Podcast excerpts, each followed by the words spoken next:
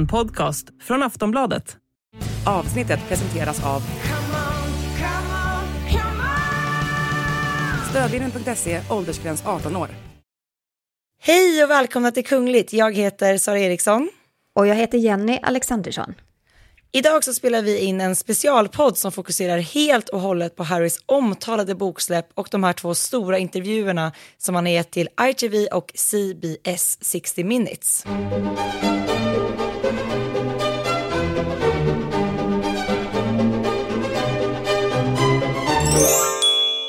Ja, vi ska ju såklart ta upp alla nya avslöjanden, Harrys anklagelser mot sin familj, hatet mot Meghan och vad som egentligen driver paret och såklart alla reaktioner som har kommit.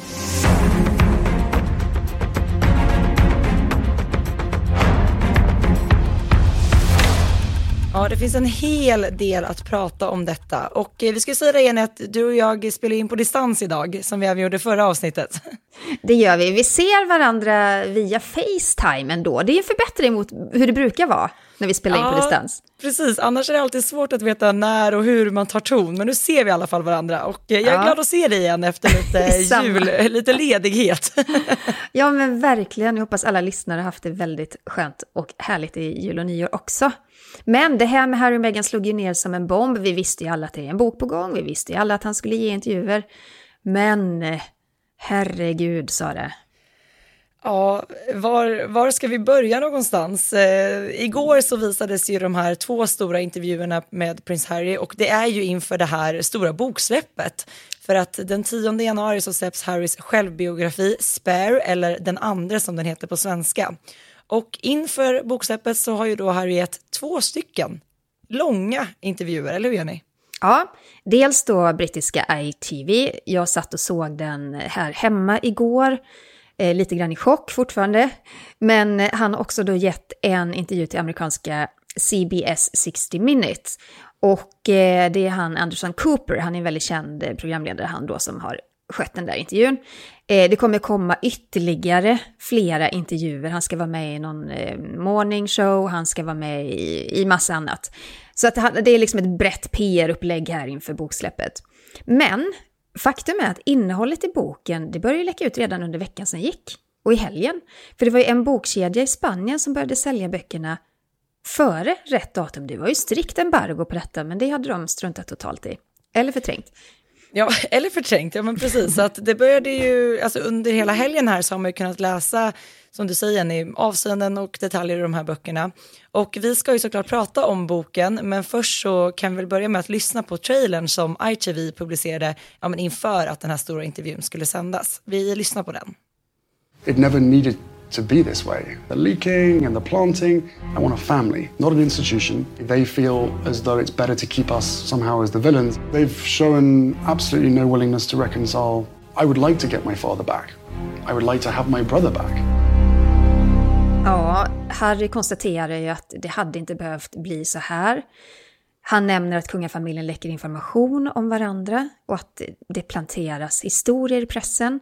Han säger även att kungafamiljen då utmålade honom och Meghan som skurkar men att han gärna vill ha tillbaka sin bror och sin pappa. Och det här satte ju lite ribban för vad man hade att vänta sig inför den här ITV-intervjun. Ja, och det här har vi ju hört tidigare och det är ju väldigt intressant för att Harry har ju berättat om att, eh, att det finns en strategi inom hovet för att då dämpa en till exempel uppseendeväckande artikel om en kunglighet genom att då istället läcka information om en annan kunglighet och att den storyn då ska ta död på den första och så vidare. Ja, det här är något som man återkommer till gång på gång på gång. Det är inte första gången vi såg det i ITVs intervju. Och anledningen till att det har blivit så här, det är att det finns tre informationsavdelningar, eller pressavdelningar om man vill säga det då, inom kungahuset. Det är Kensington Palace som hade hand om bröderna Harry och William och deras hushåll, Buckingham Palace som hade hand om drottningen eh, och Clarence House som då hade hand om prins Charles, han var ju prins tidigare då, och Camilla. De ligger ju numera under Buckingham Palace som, som kung och drottning. Men de här tre avdelningarna har ju då hamnat i en strategi där de lite grann då spelar ut varandras kungligheter, helt enkelt. Ja, och det är ju, om man tittar på till exempel här i Sverige så har ju alla, liksom kungaparet och kronprinsessparet och prinsparet och prinsessan Madeleines familj, de, har ju, de går ju under samma presskontor. Så att det är ju väldigt speciellt just att det är uppdelat på det här sättet. Och eh, som du säger, det här är någonting som Harry hela tiden återkommer. Han berättar även samma sak i parets den här Netflix-dokumentären. Just att de försöker spela ut varandra för att då rädda sina kan man ju säga. Och det är ju lite av ett trauma det här med Harry och eh, medierna. Och det har ju att göra med, och det säger han själv också, att eh, Ja, men att han fick uppleva det på så nära håll, hur, hur medierna och pressen, fotografer jobb, jagade hans mamma, prinsessan Diana, och indirekt orsakade hennes död. Så det här har ju liksom hängt med honom hela tiden. Mm. Och det är klart att det måste ju också vara fruktansvärt att människor som han litar allra mest på, som står honom närmast, alltså familjen, spelar ut då eh, andra kungligheter. Men... Ja, och sen just det han också återkommer så mycket till, just det här att även om de då tror eller har trott sig pratat inom familjen om vissa grejer så har de hela tiden läckt ut på, på något sätt. Och det menar han då är på grund av den här uppdelningen, att man hela tiden vill skydda de andra från andra spekulationer eller skriverier. Ja, och så måste vi ta upp elefanten i rummet. Och det är många som har funderat över det här. Därför att Harry och Meghan, de gjorde ju en stor sak av att de känt sig exponerade, de har mått dåligt över alla detaljer om de då som hamnat i pressen. Och just att de blivit omskrivna på ett väldigt negativt sätt. Och då, det, det, ska då bero på att kungafamiljen avslöjat saker om dem och planterat historier och det är falska historier helt enkelt. Men nu gör de ju samma sak själva. Harry sitter ju själv och vräker ur sig privata detaljer om sin bror, sin, sin styvmor, sin pappa och, och andra i familjen. Och då så ställer programledaren på ITV en oerhört viktig fråga. Och han säger så här att här har ni gjort en stor sak av det här, men nu gör ni samma sak och avslöjar alla de här privata sakerna. Hur kan det vara rätt? Och vi lyssnar lite på vad Harry svarar. Some people will say you have railed against invasions of your privacy all your life. But they, the accusation will be here are you invading the privacy of your most nearest and dearest without permission. That'll be the accusation. That will be the accusation from the people that don't understand or don't want to believe that my family have been briefing the press. If you're invited to the coronation, will you come? There's a lot that can happen between now and then. Ja, Harry menar ju då att de som kritiserar honom för att avslöja privata saker om sin familj är de som inte förstår eller vill tro på att hans familj har planterat saker om honom och Meghan i pressen. Så att här gör ju faktiskt Harry och även Meghan i, i andra sammanhang samma sak tillbaka mot familjen, fast de väljer att, att ta det en egen väg så att säga, som de kanske styr lite mer. Men det här är ju inte ett rimligt svar. Jag tycker inte det är ett svar alls. Han svarar ju inte på frågan. Frågan är ju, tycker Harry att det är okej att han gör samma sak mot sin familj som han anklagar dem för att göra mot honom? Ja, men just det, avslöjar mycket privata detaljer och det ställer ju resten av familjen i dålig dager, minst sagt. Och det är ju det här som han har avskytt hela tiden och det får mig ändå att tänka på att det, är det ett hämndbegär som driver Harry på något sätt? Jag kan liksom inte, jag kan inte, jag kan inte förstå det riktigt. Om han Nej. nu är, känner sån avsky mot den här strategin, varför gör han samma sak då? Nej men i och med att han, det, det är ett icke-svar som han bjuder på här och det är lite så, de gjorde så mot mig så nu ska jag göra så mot dem. Fast jag men det är lite hög... ännu mer själv. Ja. Det är lite högstadie-style på det hela. Ja, men det är ju det som är så tydligt i allting som vi har sett från Harry och Meghan nu senaste tiden. Det är ju verkligen det här behovet av att få berätta sin historia. Och det gör han ju nu, så det bara dundrar om det i de här intervjuerna och i den här boken som kommer att släppas i veckan. Ja, och det är ju det är tydligen ett jättestort behov för honom. Och det kan man ju på något sätt förstå. Han tycker ju att han, har fått, han och Meghan har fått vara tysta så himla länge, så nu har de chansen att ge sin sida av saken. Och som han berättar, det är intervjuer, det är poddar, det är Netflix-dokumentärer och så vidare. Så att ingen kan ju... Han, han kan ju inte komma och påstå att han inte fått den här chansen i alla fall. Nej, det är ingen som kommer att ifrågasätta att, att man vill höra. Alltså de har ju fått säga allt och lite till. Eh, och jag tycker att vi måste ju såklart prata om de här allra största avslöjandena som verkligen sticker ut i, i den här intervjun. Och ja, som i, i boken, den kommer vi längre fram till, men vi börjar med intervjuerna. Ja, vissa av de här grejerna kommer från boken, men de har diskuterats i programmet. Och en av de saker som har fått oerhört mycket rubriker över hela världen, det är en uppgift om att Harry och William hamnade i slagsmål. De började slåss, eller rättare sagt William började slåss med Harry i Harrys kök under ett bråk eh, som handlade om Meghan. För William hade förklarat vad han tyckte och tänkte om Meghan. Han menar på att hon var svår och det handlade nog också om den här, eh, hur hon hade behandlat personal och sådär.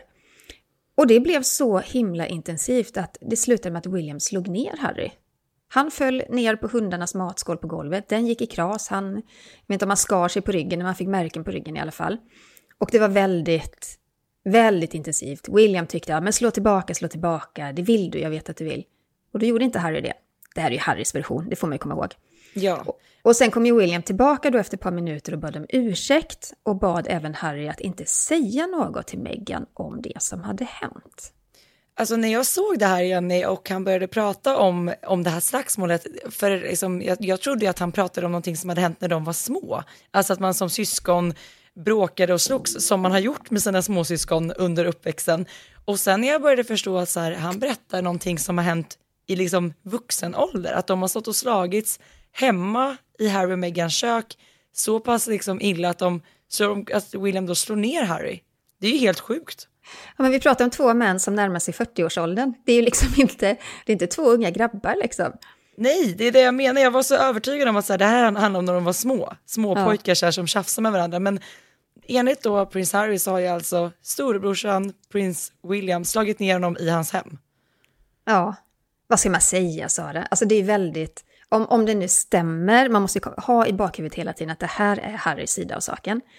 Eh, det måste men- ju varit så mycket underliggande starka känslor kring det här med Meghan att det till slut bara exploderar helt enkelt. Ja, men det är också så att man får heller inte glömma bort att det som Harry berättar nu, det är liksom en framtida kung. Som han berättar hur han har blivit nedslagen av i sitt hem. Ja. Väldigt, väldigt speciellt. Ja, och det har ju också som du sa, Och väldigt Jenny, har ju- privat. Ja, men väldigt privat och det har ju också väckt väldigt starka reaktioner världen över. Det har ju varit enormt mycket rubriker kring det här, att William slog ner Harry i hemmet. En annan grej som jag verkligen så här studsade över när jag, när jag satt då i soffan igår och, och kollade på den här intervjun. Det, alltså det är helt ofattbart. Men Harry förnekar att han och Meghan sagt att kungafamiljen är rasistisk. Kommer ni, du kommer ihåg den här Oprah-intervjun där Meghan under väldigt så dramatisk, det är en dra, dramatisk situation och hon berättar att någon i kungafamiljen har frågat sig vad hennes kommande barn då ska få för hudfärg när det föds. Och det, det skapade också rubriker över hela världen, att, eh, men liksom att Harry och Meghan då menar att det är en rasistisk kommentar och så här. I den här intervjun nu igår, då säger Harry plötsligt att nej, det var inte en rasistisk fråga. Och då ser man också att Tom Bradby, han programledaren, han hajar till. Och så frågar han, men vad menar du Harry? Och så säger Harry att nej, det är medierna som påstår att Meghan och jag anser att det är rasism. Så han tar ju liksom tillbaka hela den här anklagelsen på något sätt. Ja, och när jag såg det här så var jag, liksom, för då tänkte jag direkt såklart på, på Oprah-intervjun och jag tänkte säga jag måste se om det klippet när de just pratar om det hos henne, som du säger, ganska så här, den här dramatiska intervjun. Och eh, tittade om och om på det här klippet och det är ju absolut det de gör. De pratar ju om, Megan berättar ju hur, eh, hur de ställer frågan kring hur barnet skulle komma att se ut och även lägger hon till vad det skulle komma att få för betydelse. Ja, men då, Harry menar nu då liksom att nej, det var bara att kungafamiljen hade fördomar. Det var inte rasistiskt. Alltså det känns som någon slags här efterhands tillrättaläggelse. Vill han försöka mildra den där anklagelsen på något sätt? Vad tror du? Ja, det känns ju så, men å andra sidan så har det ju också gått eh, x antal år sedan dess och eh, de har ju fått väldigt många andra tillfällen om de nu önskar att, eh, att förklara vad de menade eller förklara hur då, som enligt Harry nu, pressen har gjort om deras uttalande. Eh, De har ju haft många tidigare tillfällen på sig att, att redogöra för det. Eh, Så att om det är det han önskar göra så tyck, är jag lite förvånad över att det i sådana fall kommer först nu. Ja, men det, har du verkligen rätt på. i. Verkligen, jag håller med dig. En annan, en annan detalj i i här är ju också att, att Harry attackerar ju även kung Charles hustru Camilla. För att eh, Harry berättar då att han och William liksom bönföll för sin pappa då att han inte skulle gifta sig med Camilla. Och eh, Harry anklagar även Camilla för att hon ska ha iscensatt en PR-kampanj som då varade ända fram till förlovningen och bröllopet. Och att liksom hon hade, han pratar ju om att hon hade siktet då inställt på att bli drottning. Det här är en oerhört eh, sårande Eh, ett, ett, ett oerhört på, eh, sårande påstående måste jag säga. För det är ju, om man vet också vad Camilla fick utstå hela vägen fram till att hon faktiskt gifte sig, och ibland fortfarande också. Det har ju att göra med den här gamla grejen att hon var då liksom den här tredje personen i äktenskapet mellan eh, Diana och Charles och hon har fått utstå mycket skit i pressen. Väldigt mycket. Att då styvsonen här då anklagar henne för att ha satt igång en PR-kampanj. För Harry säger också att alltså det han menar är att hon då och hennes eh, presspersoner började plantera negativa saker om honom och Meghan för att eh, ställa sig själv i, i bra dagar. Det är ganska, det är en tuff anklagelse. Ja, och det jag också reagerade på här, det är just som du var inne på där Jenny, vad Camilla själv har fått utstå eh, vägen fram till att faktiskt förlova sig med eh, då prins Charles och giftermålet. Men också då drottning, eh, drottning Elizabeth, när hon firade sina 70 år på tronen så var det ju hon som gick ut med ett uttalande där hon liksom redogjorde för att hon ville se Eh, Camilla som Queen Consort eh, den dagen hon inte finns med längre.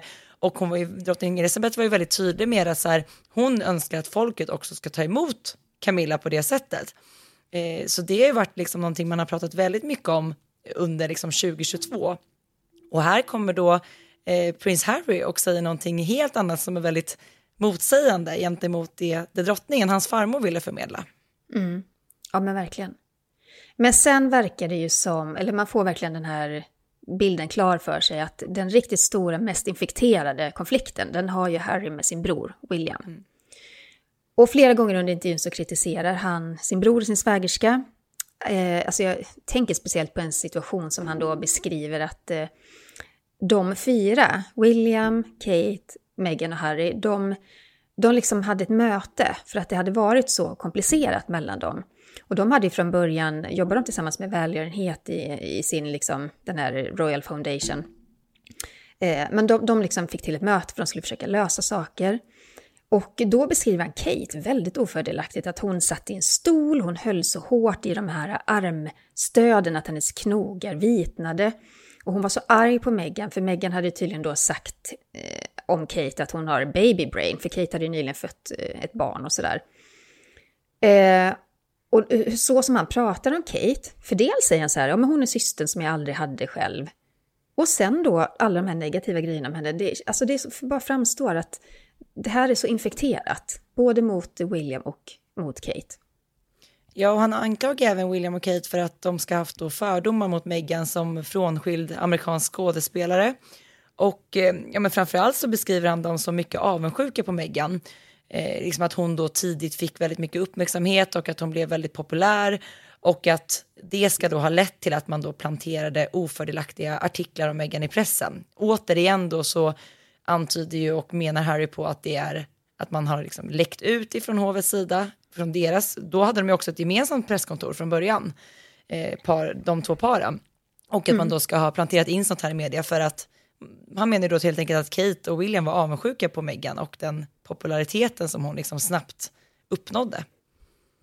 Nej men det är också så här speciellt tycker jag att eh, William och Kate vet ju precis vad de står inför. De har en utstakad framtid. De behöver inte känna något större hot kring eh, ett par som står ett snäpp under. Men enligt Harry då så har det funnits avundsjuka där. Och det är ju någonting man dramatiserade väldigt i Netflix-dokumentären också. Där gav man ju, eller man gjorde ju många liknelser där gällande Meghan och Diana i och med att Diana också blev så snabbt populär och blev verkligen så här folkets prinsessa och att man såg henne då som ett hot gentemot monarkin och inte minst prins Charles. Eh, så att återigen väljer då Harry att lyfta det här. Mm. En annan grej som jag också tyckte var så himla konstig, men eh, det handlar om Harrys skägg. För att han, han påstår i din, den här intervjun då, och det stämmer säkerligen, att han var tvungen att be drottningen om tillstånd för att få ha kvar sitt skägg på bröllopet. Han tyckte så mycket om sitt skägg, han kände det som att det var en liten så mur mellan honom och allt folk runt omkring, han kände sig trygg med det. Och drottningen sa ja, ja men du får gifta dig, du får ha ditt skägg, du behöver inte raka dig. Och det, här väckt, det liksom har väckt jättemycket uppmärksamhet. Dels därför att han var tvungen att be om lov och dels för att Harry påstår att det gjorde William både arg och avundsjuk. För han hade nämligen frågat samma sak vid sitt bröllop och fått ett nej. Det känns ju... Så då, det, då skulle det då, enligt Harry då så skapade det ytterligare då avundsjuka i och med att Harry fick liksom en, en annan typ av tillåtelse än vad William skulle ha fått. Ja, och just det här med bröllopen, det kommer upp också ett par gånger i intervjun för att han påstår också att nej, jag var inte alls best man till William när han gifte sig. Det var hans två bästa killkompisar som var det, för jag fick inte ens hålla ett tal till William, för William hade sagt till mig att inte göra det. Så det känns som att det, alltså, åh, vad det har gnisslat mellan de här två bröderna så länge, och det är så sorgligt att höra. Men det jag inte kan förstå, det är ju, för det är också sett att man, man skriver väldigt mycket och tar upp just det, att innan Harry träffade, träffade Meghan så jag menar han och William och Kate umgicks ju väldigt mycket. De startade ju den här organisationen tillsammans, man såg dem vid väldigt många evenemang tillsammans. Alltså de var ju en trio som faktiskt gjorde väldigt, väldigt mycket tillsammans hela tiden. Ja. Men han menar ju då alltså att redan vid eh, William och Kates bröllop att det var infekterat mellan dem innan han träffade Meghan. Det verkar så. Och sen, det är en kommentar han fäller också. Jag, vet inte, jag minns inte nu om det kommer från boken eller från intervjun. Men han säger någonting i stil med att eh, William och Kate han trodde aldrig att jag skulle få en sån fantastisk kvinna som Meghan. Jag bara, mm, ja, okej, okay, men det finns någonting. Alltså han, han erkänner ju rent ut, han, han, säger ganska tidigt i intervjun att det finns en syskonrivalitet. Och den har funnits mm. där och den är väldigt stark. Så jag, jag förstår liksom, jag förstår hela eh, den här grejen. Men det har ju blivit alldeles för infekterat helt enkelt. Ja men verkligen. Eh, vi ska också prata lite om den andra intervjun som Anderson Cooper gjorde med prins Harry för 60 minutes. Och eh, även han ställde ju frågan varför han inte tar upp de här problemen med familjen privat istället för att göra det i media. Och då svarade ju Harry då att varje gång jag har försökt att göra det privat har det varit möten och läckor och plantering av historier om mig och min fru. Så det var ju hans svar vid det tillfället då på den frågan. Om, ja, och där måste jag säga, om det är sant så är det faktiskt fruktansvärt. Om mm. det är sant att han har försökt, att han skrivit mejl eller brev och, och, det ena med det andra för att få till en, att de enas och han möts då av att de läcker till pressen, då är det det är verkligen fruktansvärt.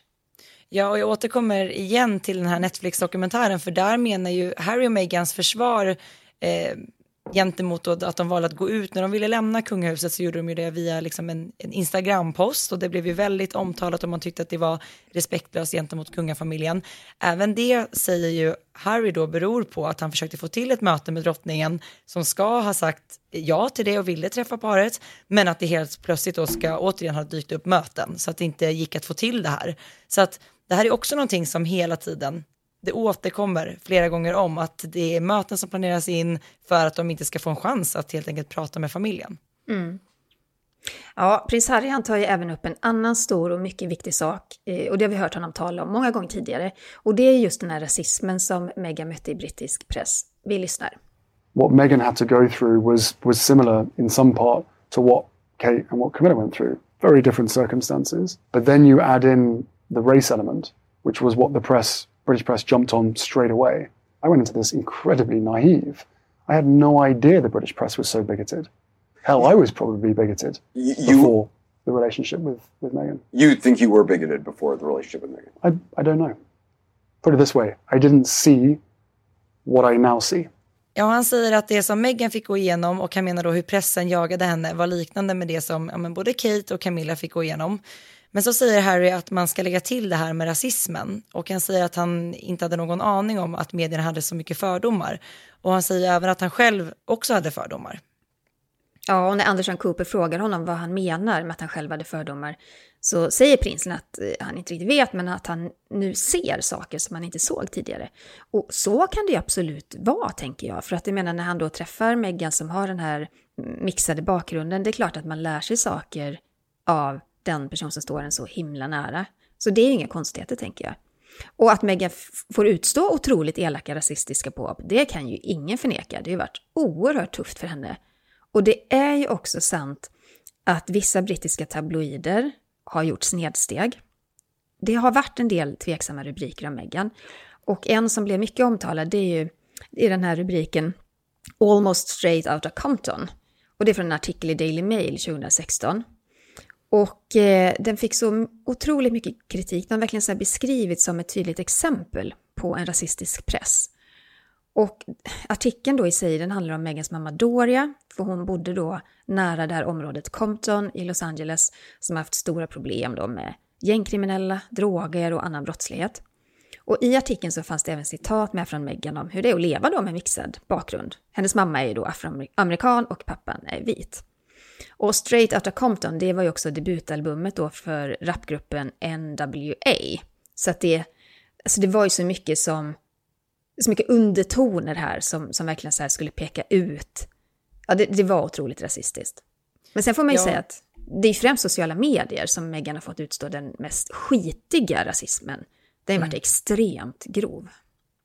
Ja, och eh, det här är ju verkligen någonting som, som paret återkommer till hela tiden. Och jag håller verkligen med dig som du säger, det här med att Meghan har fått utstå otroligt elaka rasistiska påhopp. Det är ju ingen som kan förneka det. Så att oavsett vad, vad Harry eller Meghan själva säger det så det, man förstår ju att det har varit extremt tufft för, ja men framförallt Meghan såklart, men även för Harry i det här.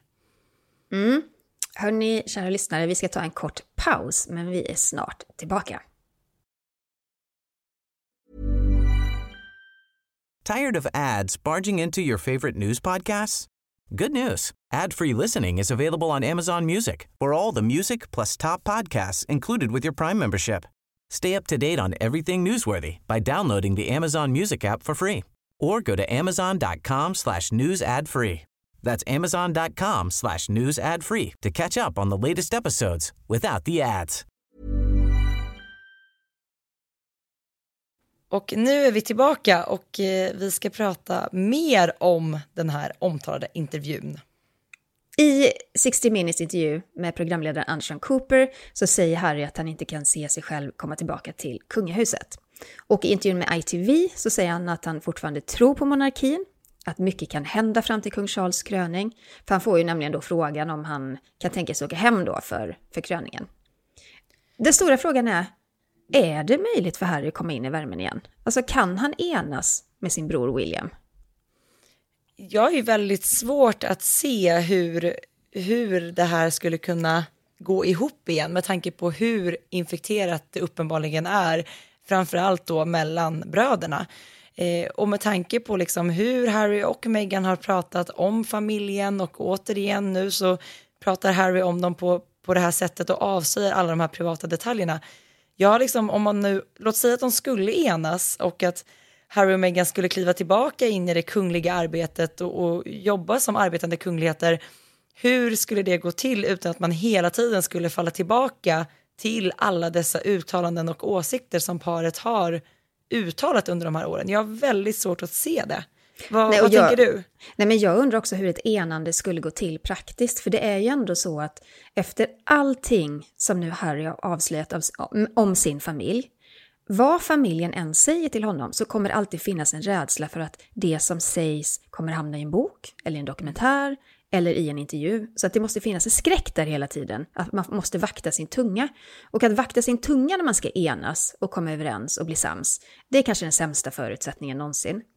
Och sen är det också alla de här otroligt sårande sakerna som Harry har sagt, som han då också kommer beskriva i boken. Mycket privata detaljer som han avslöjat om sin bror och sin pappa och, och många fler. Hur skulle man kunna enas efter det?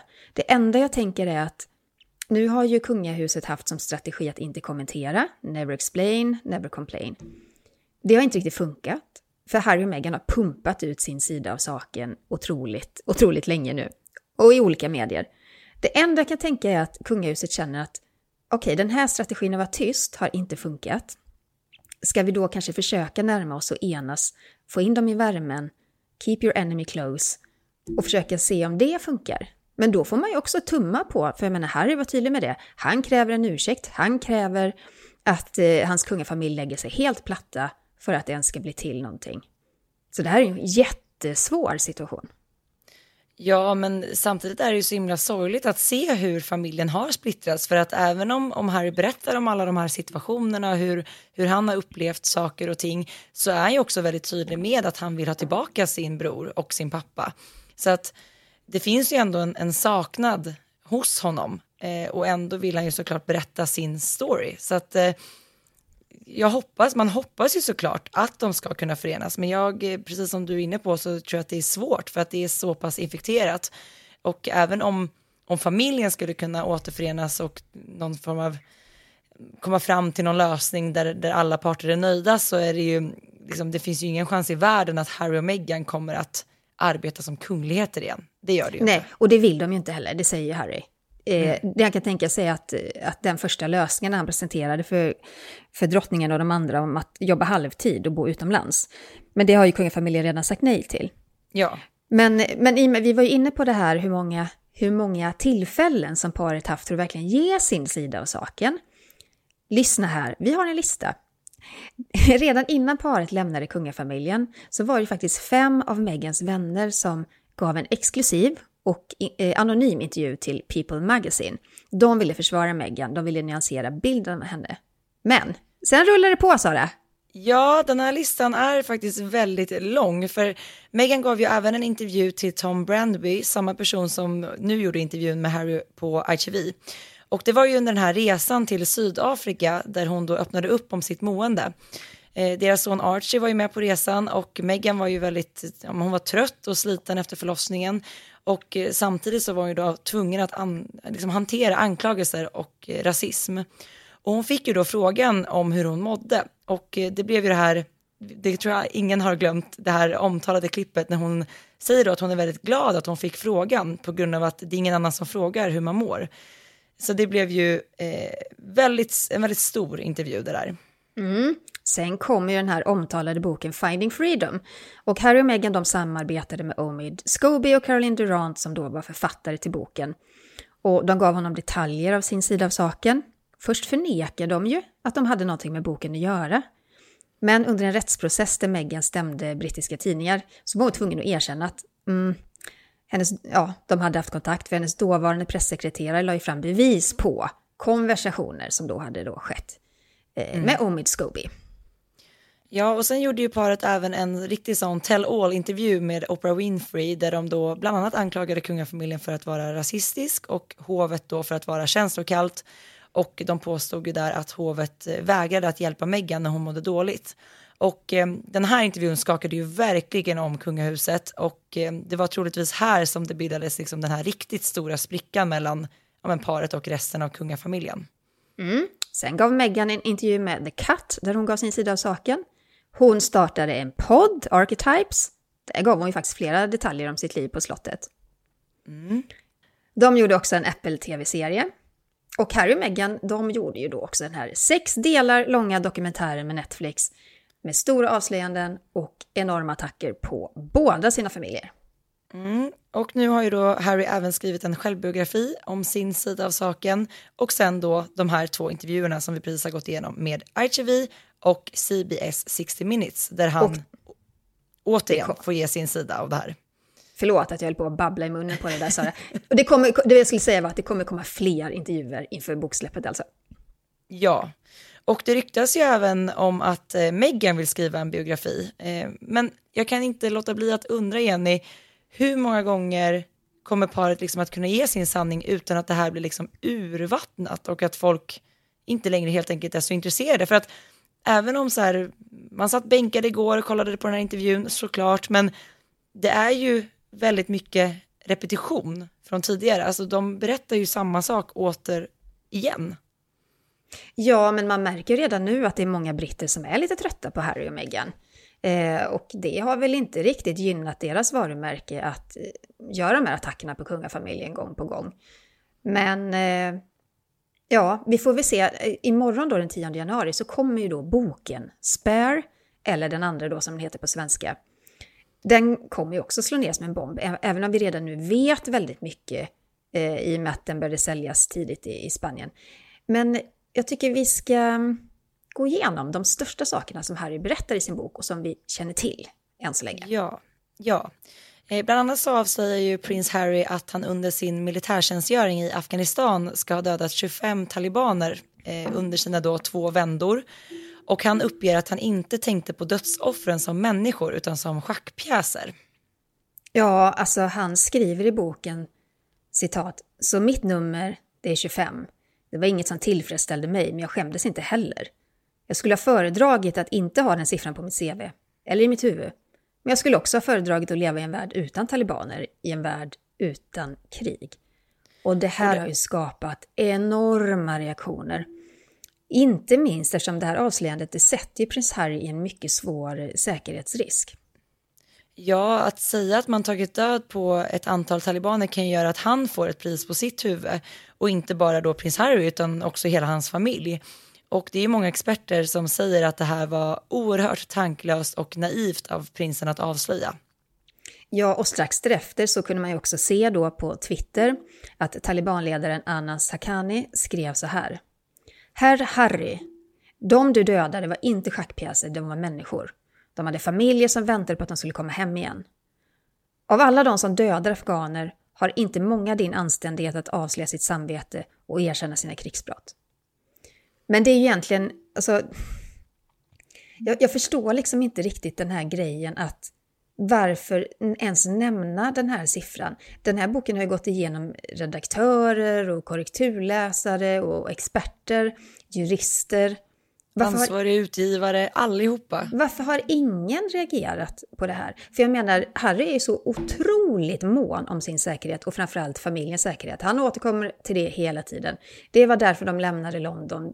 Han fick inte ha någon eh, skattebetald livvaktssäkerhet och han vill att familjen ska vara trygg. Hur kan han då nämna såna här grejer? Det är väl ganska det är väl ganska så självklart att han sätter sin familj och sig själv i en mycket svår säkerhetssituation. Mm. Och vi kan ju lyssna lite på vad en av prins Harrys kollegor inom armén säger om detta. Eh, ben McBean som är före detta kunglig marinsoldat. That's probably what happened, but it's not wise to say it out loud because then he's already got a target on his back more so than anyone else, and it's probably a bit bigger now. Why he said it, I don't know, but maybe he was just asked a question, he just answered it, and that's how he kind of keeps his conscience clear. Ja, det är inte bara Ben McBean då som, som har kommentarer om detta, utan det är flera högt uppsatta inom den brittiska armén som oroas över hur prinsens uttalande faktiskt kan komma att leda till konsekvenser även för militären, inte bara Harry och Meghan och familjen. Och en tidigare officer uppger för Sky News att prinsens uttalande, det är inte passande och det skulle kunna leda till att brittiska soldater attackeras hårt. Ja, och i den här självbiografin då så berättar ju prins Harry även att han har tagit kokain och andra droger.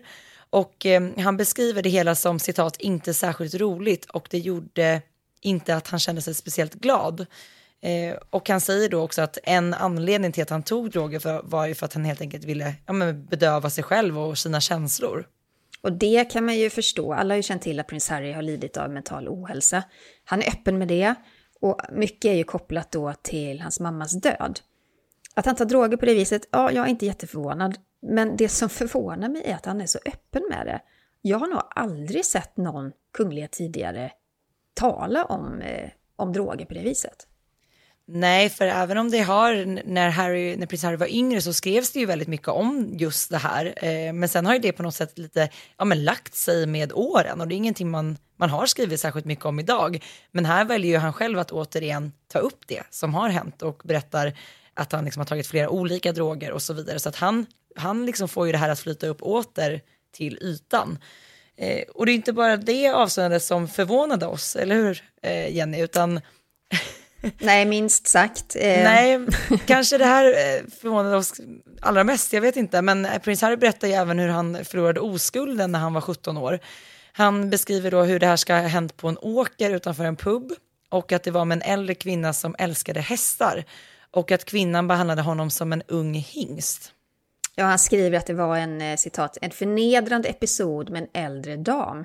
Ett av mina misstag var att låta det hända på en åker, precis bakom en fullsatt pub. Det råder ingen tvekan om att någon måste ha sett oss. Slutcitat. Det är väl första gången någonsin som en kunglighet avslöjar var och hur personen förlorade oskulden. Det får man nog ändå säga. Ja, jo, det, det är inget man har, har hört tidigare.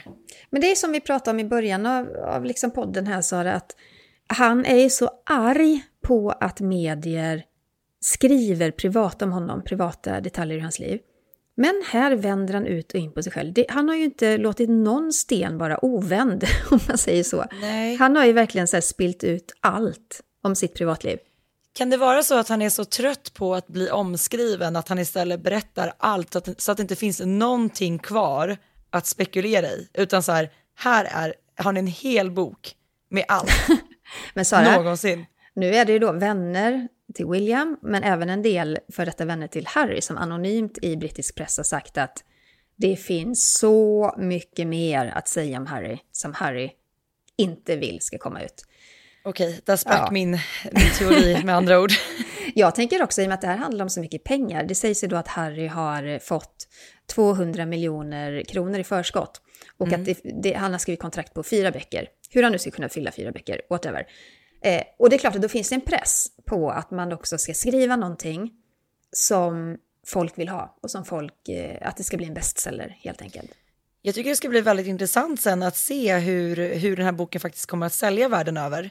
Eh, man jämför den ju mycket med liksom Dianas bok, liksom när, hon, när den kom ut och att det liksom avslöjade hela sanningen. Det var hennes ord. Men med tanke på liksom hur mycket vi redan har sett, som vi räknade upp här alldeles nyss, eh, från Harry och Meghan, så kanske det också är många som tänker att man redan har hört allting. Mm.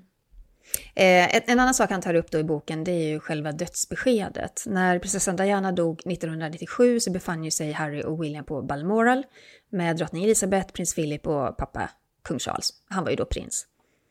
Och ingen har ju fram till nu vetat exakt hur barnen fick reda på hur deras mamma dog. Men Harry beskriver då i detalj hur det gick till.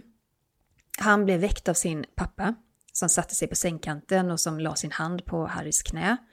Och med låg röst, enligt, enligt då Harry så indikerade på att hans pappa befann sig i chock, så ska då kung Charles ha berättat om olyckan med orden Min älskade son, mamma har varit med om en bilolycka. Och så fortsatte han med att det blivit komplikationer, mamma har skadats allvarligt och har förts till sjukhuset. Och sen beskriver han vidare då, alltså det är väldigt så här privat situation han, han beskriver, så det är ju också någonting, han är inte rädd för att gå in i den sorgen och i, i liksom avslöja detaljer om hur familjen agerade helt enkelt. Nej, och det är som sagt också helt nya uppgifter i och med att man inte har förstått riktigt hur det här kommunicerades och gick till bakom slottets väggar. Eh, och en annan detalj återigen, det är ju det här med Harry och William i slagsmål, eh, som vi var inne på tidigare, att ett av de största avslöjandena, eller i alla fall som har liksom fått allra mest uppmärksamhet, är ju då att Harry anklagar sin bror för att ha slagit honom under det här bråket då, som ska handlat om Meghan. Ja, och det har vi ju berättat om, så att det kan vi bara nämna liksom att det, eh, det vet vi ju då liksom eh, genererade otroligt mycket eh, rubriker efteråt. Ja. En annan grej som togs upp och som verkligen också var lite chockerande, det var ju att Harry påstår att William och Kate uppmuntrade honom att bära nazistuniformen på en maskerad 2005. Det här känner nog de flesta till som som, som liksom följer den brittiska kungafamiljen, det var ju så att Harry fastnade på bild med en nazistuniform på en stor fest då med massa kompisar. Och nu skyller han detta lite grann på Kate och William. Mm. Han, han, skriver i boken att han skulle då ha rådfrågat Kate och William om man skulle ta på sig en pilotuniform eller om man då skulle välja att bära den här nazistuniformen. Och han säger då att, eller skriver då att både William och Kate hade sagt att han skulle bära den och sen att de då skulle ha skrattat högt åt hur han såg ut när han bar den. Och eh, ja, han var ju 20 år då eh, och de här bilderna på honom i den här uniformen, de publicerades ju, det var någon vecka efter den här festen tror jag, i The Sun. Och det ledde ju såklart till starka reaktioner och eh, Harry var ju faktiskt tvungen då att be om ursäkt, alltså en offentlig ursäkt. Men nu slår han då tillbaka och menar att det är faktiskt också Kate och Williams fel. Alltså det här gör ju mig lite irriterad måste jag säga. Eh, han var ändå 20 år, han var i 20-årsåldern. Han kan inte skylla, han kan inte skylla detta på någon annan. Det är han som tar på sig den här uniformen. Jag menar, det var inte så heller att han säger att de övertalade honom till att göra Eller det. Eller tvingade honom till att nej, göra det. Utan nej. det är ju ett val. Han är ju själv, han är, han är också någonstans, om man nu stod och valde mellan två uniformer så har han ju också plockat fram de här två Ja, han, det var då en pilotuniform och en nazistuniform och så blev det då nazistuniformen. Och det ska då vara William Kates fel. Nej, det köper jag inte faktiskt. Men det är intressant just det att i och med att han fick otroligt mycket skit för det och fick gå ut och be om ursäkt, att han liksom, om det nu var så, att han inte har redan från början berättat det här, utan det kommer nu i den här mm. boken. Ja. Vi har faktiskt fått en lyssnarfråga, Sara. som damp ner igår. Jag tror att det är en person som också har sett den här intervjun med ITV. Eh, Amanda frågar så här. Jag undrar vad det är Harry menar när han säger att den brittiska kungafamiljen vägrar säga sanningen för att skydda honom och Meghan. Vilken sanning syftar han på? Eh, jag, eh, du, får, du kanske har en annan åsikt Jenny, men jag tror ju att det här, för det, det återkommer mycket till, jag tror att det, han menar sanningen kring hur de själva läcker ut till media och till pressen. Att det är inte så att det bara råkar landa i pressens knä, utan att det är de själva som styr vad som skrivs och vad som sägs och att det är ett jättestort problem eh, inom den brittiska monarkin och eh, hur de arbetar med de här olika presskontoren. Jag tror att det är det, det som han menar. Vad tror du, Ja. Jenny? Nej, men jag, jag tror också det. Att det är det som han tycker då, det här är sanningen. För det är också det han återkommande tar upp hela tiden i intervjuerna. Att eh, hallå, ni måste se vad som händer. Det här pågår bakom slottsväggarna. Så han vill liksom lyfta, lyfta på det taket liksom och få folk att förstå hur strategin har sett ut inom familjen, helt enkelt. Och också hur den har skadat dem, för det vill han ju verkligen liksom hela tiden trycka på, hur det har förstört för Harry och Meghan och att det är anledningen till att kungafamiljen nu är splittrad. Ja. Sara, vi närmar oss slutet på den här podden. Vad Ehm, speciellt att vi fick spela in podd på en måndag, det brukar vi inte göra. Det brukar vi inte göra. Eh, men det, det, eh, det, Harry krävde det, höll jag på att säga. Alla de här turerna kring hans bok och intervjuerna krävde lite extra diskussion helt enkelt. Och även om den här boken då, det har redan läckt mycket detaljer, men det ska bli väldigt intressant att få ta del av den eh, imorgon då, tisdag så släpps den i Sverige. Så jag ser fram emot att läsa den här boken. Ja, men jag också. Den ska tydligen dimpa ner i någon slags pdf-format i min mail. Förlåt, i min mail imorgon. Vi ser fram emot att få ta del av den. Eh, glöm inte att skicka in lyssnarfrågor till oss. Vi blir så glada när, ni, när vi hör ifrån er som lyssnar och det gör man till kungligt aftonbladet.se. Och vill ni ha dagliga uppdateringar av Kungligt så följer ni oss såklart på Instagram. Var hittar man dig då Jenny? Där heter jag Kungligt med Jenny. Och du då? Var finns du Sara? På royalistan.se hittar ni mig. Tack snälla för att ni har lyssnat på veckans avsnitt av Kungligt. Vi hörs igen nästa vecka. Hej då! Hej då!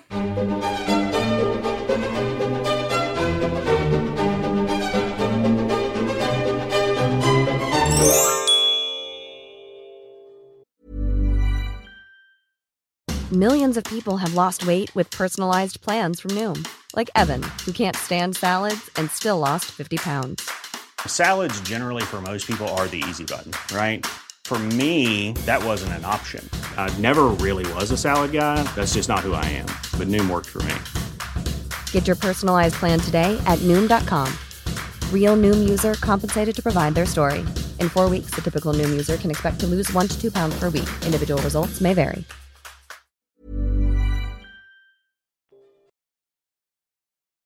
Du har lyssnat på en podcast från Aftonbladet.